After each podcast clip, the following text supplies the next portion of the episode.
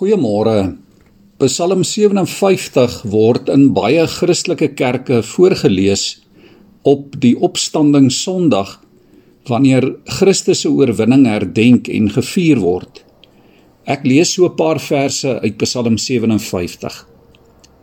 Vir die musiekleier van Dawid toe hy voor Saul die grot ingevlug het. Wees my genadig o God, wees my genadig, want by U skuil ek. In die skadu van u vlerke sal ek skuil totdat die vernietiging verby is. Ek roep na God die Allerhoogste, na God wat om my ontwil vergeld. Mag hy uit die hemel hulp stuur en my verlos. 'n Bespotting maak van hulle wat my treiter.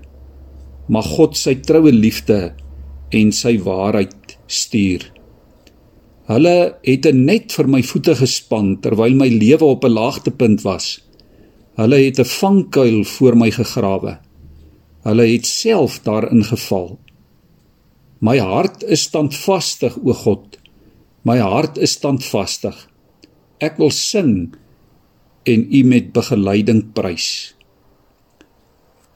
Ons kan die meeste van Dawid se psalms net verstaan as ons dit lees teen die agtergrond waarteen dit geskryf is.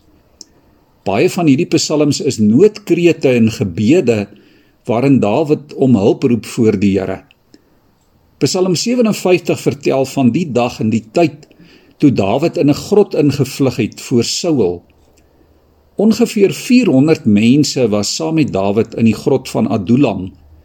Dit was letterlik 'n miserabele, bedenklike groep mense waarvan die meeste Dawid se familie en ook sy bejaarde ouers was. Jy kan daarvan gaan lees in 1 Samuel 22. Onder die groep mense was armes, mense wat slegte skuld gehad het, kwaaddoeners en banges en verbitterdes. Mense wat al deur die meule van die lewe gegaan het. En nou kruip hulle weg in 'n grot. 400 versukkelde mense sonder kos, sonder basiese geriewe En Dawid bid vir hulle tot God. Hy bid vir genade. Herhaaldelik bid hy. En enige oomblik kan Saul en sy soldate toeslaan. Dawid bid vir genade en dat God sal ingryp dat hy hulle sal red.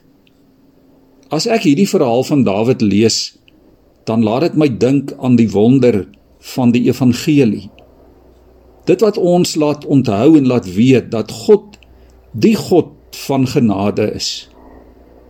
In Matteus 9 vers 13 sê Jesus oor homself dat hy nie gekom het om regverdiges te roep nie, maar sondaars tot bekering. God se genade is juis vir sondaar mense. Dis juis bedoel vir wegkruip mense in grotte en spilonke van die lewe. Dis bedoel vir mense wat bid en roep, Here, help. Ja, dis bedoel vir elendige, versukkelde kwaaddoeners soos jy en ek. God het daardie groepie in die grot van Adullam nie verstoot nie. Uiteindelik word Dawid se noodgebed 'n jubellied en kry hy buitengewone vrede en berusting.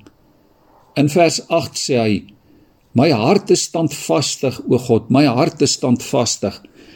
Ek wil sing en U met begeleiding prys. Ek kan nogal so in my gedagtes sien hoe Dawid sy hart harp gryp en daar in die spilonk van Adullam en saam met die dagbreek begin sing. En terwyl die son sy kop bo kan die horison uitsteek, sing 400 ander mense stemme saam met hom. Kom ek lees vir ons vers 9 tot 12. Word wakker my gemoed. Word wakker met harp en lied. Ek wil die dag breek, wakker maak. Ek wil U loof onder die volke, my Heer. Ek wil U met begeleiding prys onder die nasies, want groot tot by die hemel is U troue liefde, ja, U waarheid tot by die wolke. Verhef U bo die hemele, o God, U heerlikheid oor die hele aarde.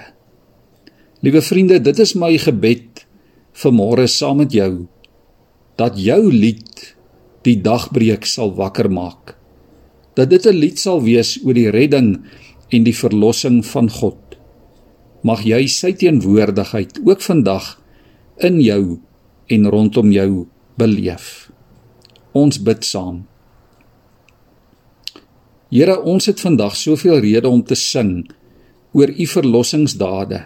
Ons kan 'n lied skryf oor u redding en ons kan dit bekend maak sodat almal rondom ons dit hoor en weet dat u die God van oorwinning en van genade is. Ja Here, u verstoot mense nie. U roep mense nader na u toe.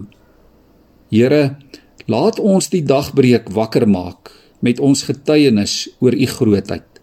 Laat die donker van die nag wegsmelt in die helder lig van u teenwoordigheid en laat die lig van u opstanding deurbreek in ons wêreld en in ons omstandighede.